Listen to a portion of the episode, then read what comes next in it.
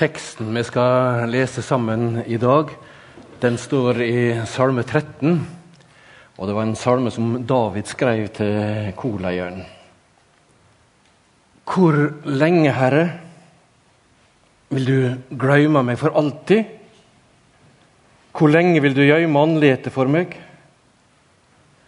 Hvor lenge skal jeg ha uro i sjela og sorg i hjertet dagen lang? Hvor lenge skal fienden ha makt over meg? Se meg, svar meg, Herre min Gud. Gi øynene mine lys, så jeg ikke sovner inn i døden, så fienden min ikke sier 'Jeg har vunnet over han', og mine motstandere ikke jubler når jeg vakler. Men jeg setter min lit til de miskunn. Mitt hjerte skal juble over de frelse. Jeg vil synde for Herren, for Han har gjort godt mot meg. Slik lyder Herrens ord. Vi er inne i en serie i høst som heter 'Emosjonell sunnhet og sunn åndelighet' og bruker et hefte som vi har laget som brukes i gruppene, og som kanskje også noen bruker til hjelp for tro på hjemmebane. Og så har vi også en andaktsbok som vi har anbefalt. Og Temaet nå og neste gang og Noen har sagt at det var litt røft sist gang òg. Det er litt, litt, sånne krevende temaer, vil noen si, fordi vi toucher borti noen erfaringer som noen har og har hatt, mens andre ikke har hatt. Og så kan man kjenne trenger vi å dvele ved dette. Drar vi hverandre ned? Og så har jeg holdt litt fast på at uh, vi trenger å snakke om noen av disse temaene. For hvis vi ikke snakker om det i dette rommet, så er det lett for mennesker å tenke at jeg hører ikke til her når jeg har det sånn. Hvis jeg nå sier at vi skal snakke om det å være i et åndelig mørke, ja, så vil kanskje assosiasjonene hos dere som uh, hører på, være litt forskjellige. Og da må jeg kanskje presisere begrepet med en gang, for vi snakker ikke om et uh, Eh, ja, kanskje et sånn teologisk sett sånn åndelig mørke som mennesker er i hvis de har valgt å ikke tro på Jesus eller ikke ha Gud i sitt liv. Da kan man jo også snakke om at det er lys og mørke. Eller mennesker som aldri har opplevd å kjenne Jesus, aldri har vært i en sammenheng der Jesus er forkynt. Da snakker også Bibelen om et mørke. Når jeg snakker om mørke, så snakker jeg om en åndelig tilstand som oppsiktsvekkende mange kristne kan kjenne seg igjen i. Kanskje som en opplevelse de har hatt noen få ganger over begrenset tid, eller som de kan ha hatt over lang tid. Og Tilstanden kan ikke nødvendigvis spores tilbake da til noe denne personen har gjort eller ikke gjort. Og da mørket traff, så kan de gjerne ha opplevd å ha stått midt i et veldig aktivt nært og godt forhold til Gud og i en tjeneste og kanskje også i et kristent fellesskap. En av de mest berømte personene i nyere tid som har beskrevet en slik tilstand, var mor Teresa. Hun eh, døde i 1997, 87 år gammel. Folk vil ha ulike meninger om eh, den katolske kirkes lære. Og Det er ikke oppe til samtalerefleksjon i dag. Men jeg tror mange vil være enig med meg i at mor Teresa hun hadde en helt spesiell plass i hele kristenheten. Uavhengig av kirkesamfunn.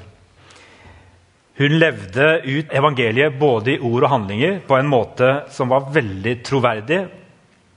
Ikke bare hos de mange fattige, som hun eh, var med å reise opp i Calcutta sammen med disse barmhjertighetssøstrene, som da til forskjell fra noen annen orden besto av mennesker fra Calcutta, kvinner fra Calcutta, India, som ble en del av eh, hennes bevegelse.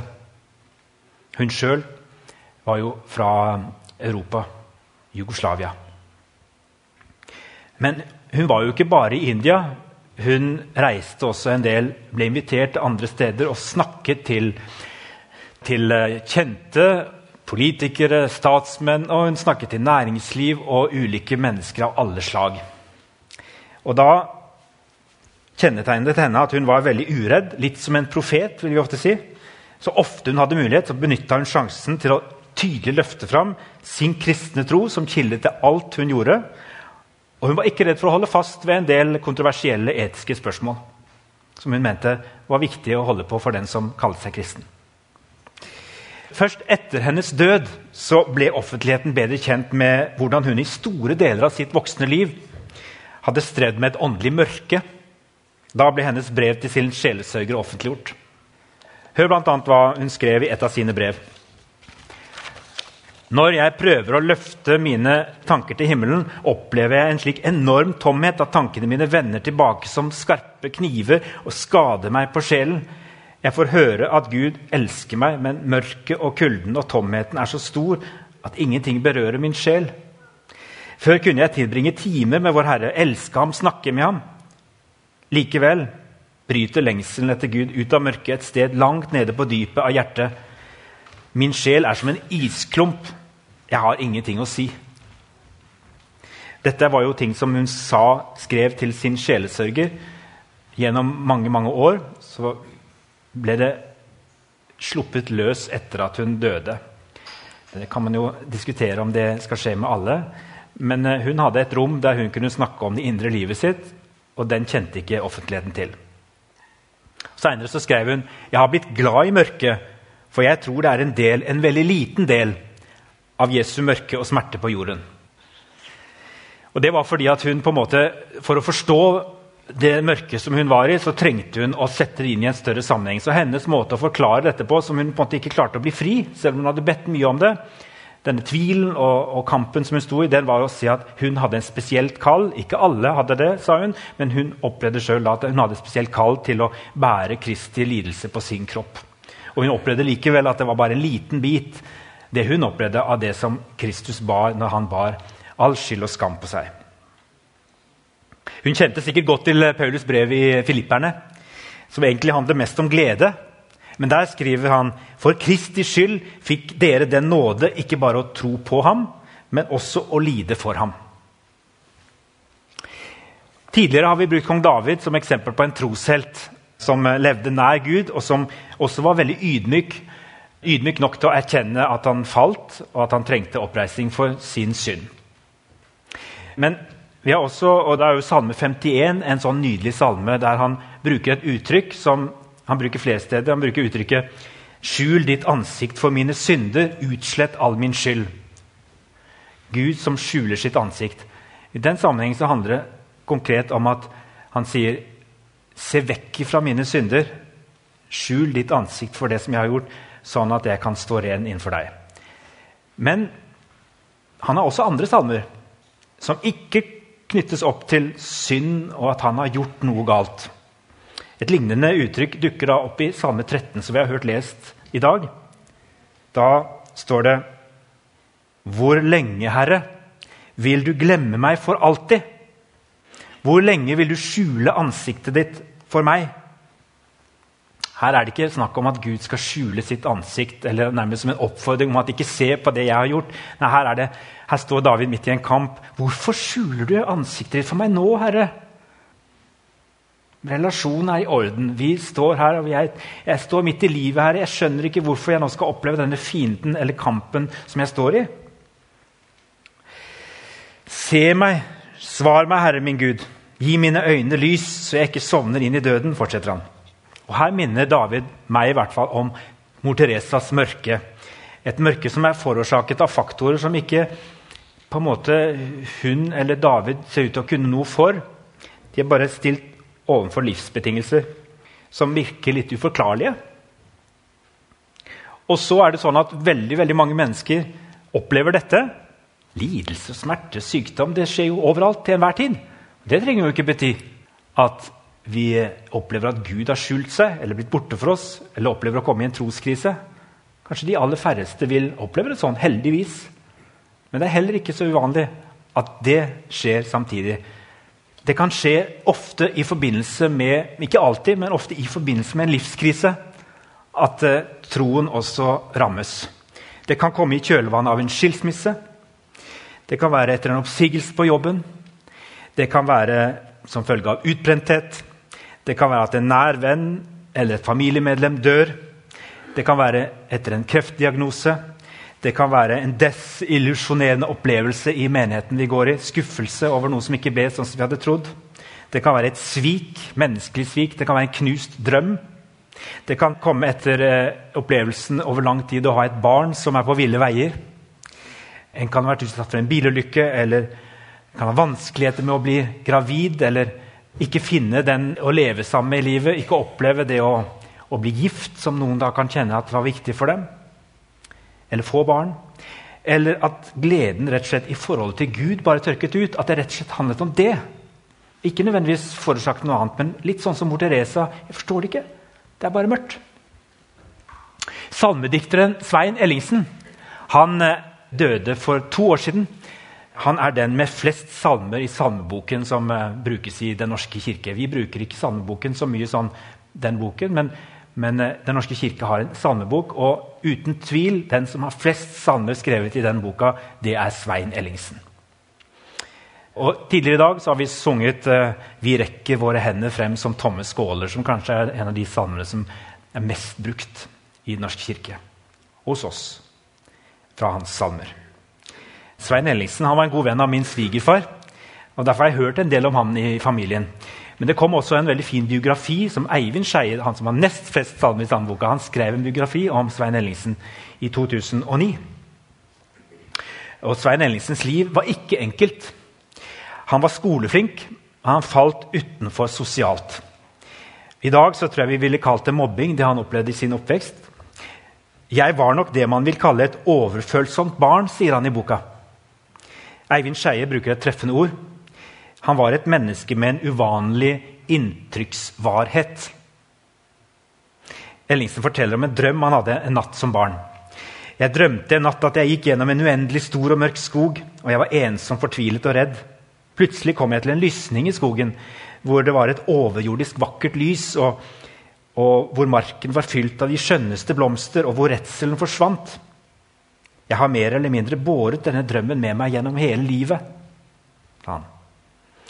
I ti år, fra 1948 til 1958, var Svein Ellingsens liv i stor grad preget av angst og depresjon. Han hadde det tilbakevendende gjennom hele livet, men særlig de årene. Da var han innlagt på psykiatrisk sykehus i lengre perioder. Da hadde han for lengst vært gjennom konfirmasjonen. Og så står det i boka at han, han, nærmest vokste forbi både moren og faren da han svarte veldig innsiktsfullt på vanskelige spørsmål fra presten. Han, en, et, han hadde vart sinn, og han var en grubler. Selv om Svein Ellingsen fortsatte å kjenne på mye smerte, åndelig mørke, gjennom livet, så er salmen hans preget av det samme som klagesalmene i Bibelen. Det dirrer en eller annen sånn dyp tillit til Gud, Guds godhet under alt sammen. Det er ikke alle som har det. Men hans salmer er preget av det, og det er jo egentlig veldig fint, for det gjør at det er en sånn dobbelthet. Kanskje fordi at han opplevde å kunne synge dette i et, et, trosfellesskap. Og da er det akkurat sånn som i den salme 13 vi leste, der det er mørke og Gud er borte. Og, sånt, og så avsluttes det Men jeg setter min lit til din miskunn. Mitt hjerte skal juble over din frelse. Jeg vil synge for Herren, for Han har gjort godt mot meg. Det er ikke så veldig ofte vi, vi synger eh, disse salmene til Svein Ellingsen i vår menighet. Vi har på en måte en tradisjon, mange av de sangene som vi synger. Jeg er veldig glad i vår lovsangstradisjon, men jeg, jeg syns også vi er flinke til å la erfaringen fra hele livet også preger sangene våre. Mer enn det de gjør i en del andre sammenhenger. Men, men vi står nok også i en tradisjon der vi lett tenker at lovsangen, tekstene vi bruker, de skal på en måte løfte oss opp og ikke snakke om det som er vanskelig. Men vi skal huske at Salmenes bok de rommer både klagesalmene og disse her jubelsalmene. Og de ble faktisk sunget i fellesskapet, begge kategoriene. For omtrent nøyaktig tre år siden så ga jeg ut en bok som heter 'Gi mine øyne lys håpsord gjennom mørket'. Og Der har jeg med meg to tekster av Svein Ellingsen, som vi trykte i, i boka underveis gjennom boka. Og Rett etter lanseringa av boka mista en av mine beste venner, eh, som også er prest. Han mista sin kone. Hun valgte å avslutte livet etter en periode med intense fysiske smerter som følge av sykdom. Og Da skrev jeg en melodi til den ene av disse tekstene. Det var litt som min måte å gi en hilsen til min venn på. Den heter 'Midt i alt det meningsløse'. Og Det er en av de fineste tekstene jeg vet om. Fordi jeg tror han moderniserer Salmenes bok, eller det der grepet som ligger i salmene, med å, med å synge om livet sånn som det er. Kampen og trassen. Og så på slutten så, så skjer det noe. Gud, vi roper, om du finnes, finn oss, redd oss når vi synker. Det er første vers. Gud, vi roper, synger han i siste vers. Du som finnes, finn oss, redd oss. La din nærhet bli vårt lys i tvilens mørke. Jeg synger den. Skal vi få litt hjelp av Atle?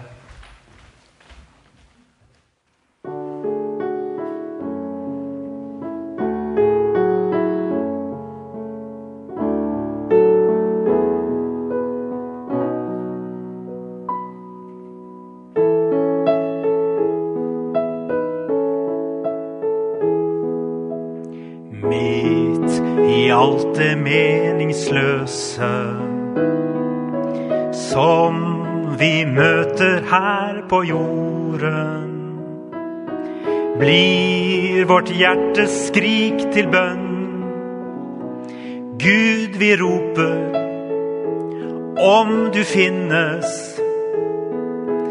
Finn oss, redd oss når vi synker i vårt eget tomhetsmørke.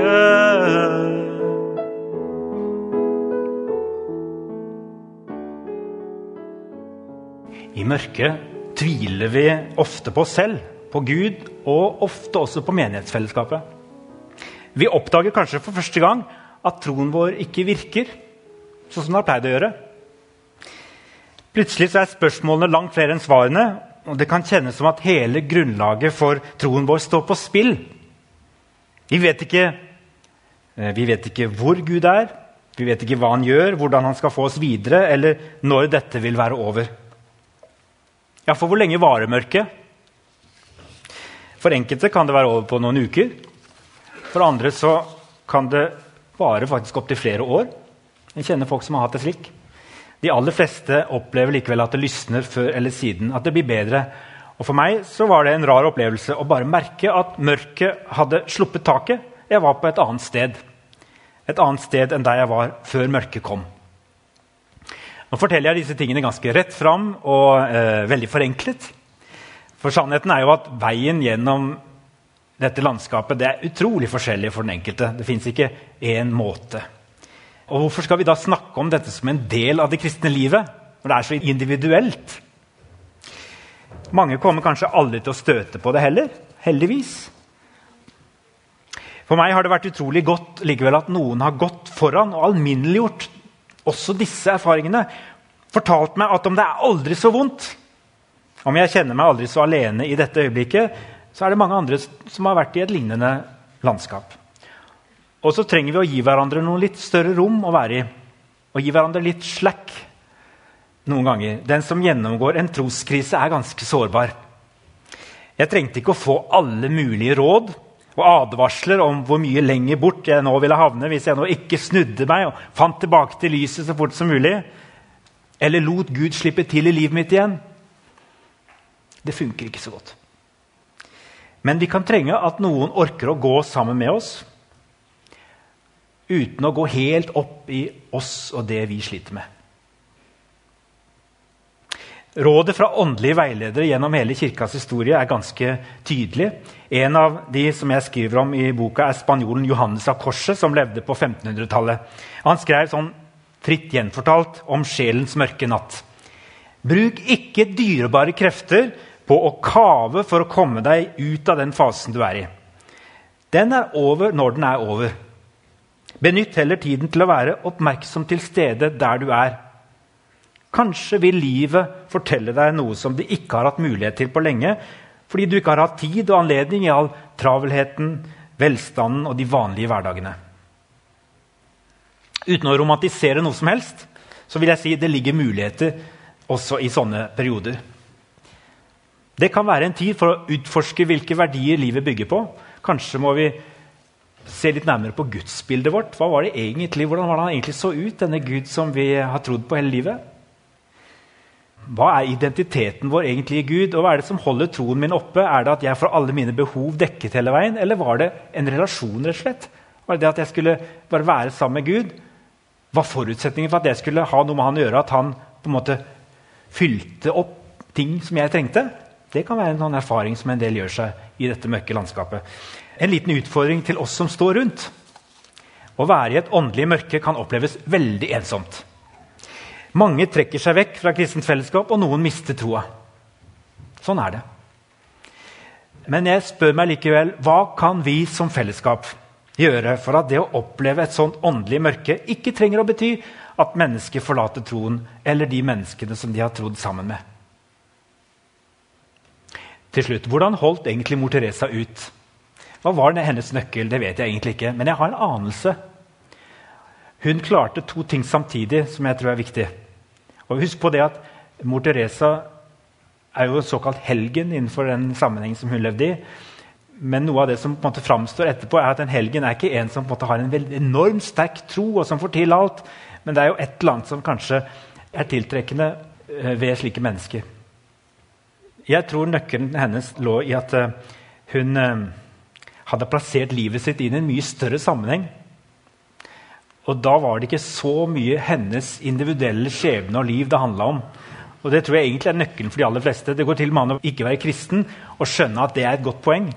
At hvis du har en større mening å plassere livet ditt inn i, så er det lettere å komme gjennom tunge dager. Men hvis vi blir veldig opptatt av oss sjøl og kretser rundt oss selv hele tiden, så har det lett for at vi aldri blir ferdig med det. Og så er, det, er ikke det en oppskrift å gi til den som er i mørket, at nå må du liksom slutte å kretse rundt deg selv, for noen ganger klarer vi ikke noe annet. Men jeg ser noe befriende i det, som eh, mor Teresa klarte. Hun hadde det rommet, hun fornektet ikke det vanskelige. og Den hadde hun en dialog med sin sjelsørger om. hvordan realiteten hennes var. Men så plasserte hun livet sitt inn i en større fortelling. Jesu fortelling. Da så hun sitt eget liv i lys av noe større. Og da opplevde hun at ok, dette er en, tross alt en ganske kort periode, og jeg skal gjøre mest mulig for å bli elsket og elske mennesker her på jorden og prøve å identifisere meg med Kristi kjærlighet. Salme 115 den sier, 'Ikke oss, Herre, ikke oss. Gi heller ditt navn ære, du som er kjærlig og trofast.' Hvorfor skal folkene si, 'Hvor er deres Gud?' Vår Gud er i himmelen. Alt han vil, det gjør han. Ikke oss, Herre. Ikke oss. Det syns jeg er egentlig ganske frigjørende. For jeg tror egentlig det er noe av vår tids uh, største lidelse. Det er at uh, alt kretser rundt oss. Men i, i, Gud og i Kristus og med oppstandelsen som uh, håp, så er vi en del av noe mye større. Og vi skal få lov til å gi Gud ære med livene våre, både når det lyser og briljerer, og når vi opplever oss svake. Det sier Bibelen ganske mye om. At lyset skinner gjennom disse the cracks, disse eh, sprekkene i fasaden vår. Den andre teksten av Svein Ellingsen som jeg har med i boka, det er en tekst om Guds håpefulle framtid. Og den måtte jeg også lage en ny melodi til for skikkelig å oppdage teksten for meg selv på nytt. Og jeg vil dele den med dere nå til slutt, som en bønn. Og den ble litt til gjennom koronatiden, så noen har hørt den før. og Atle har spilt til den tidligere når vi var på digitale flater.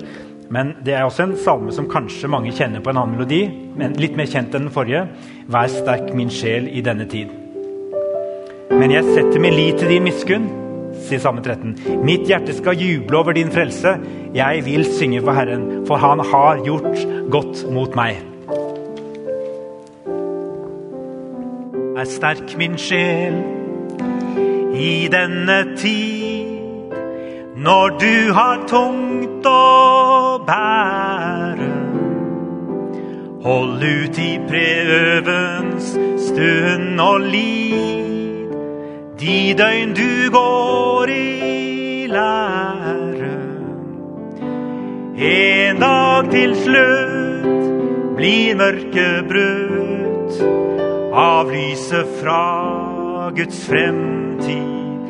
En dag til slutt blir mørket brutt av lyset fra Guds fremtid.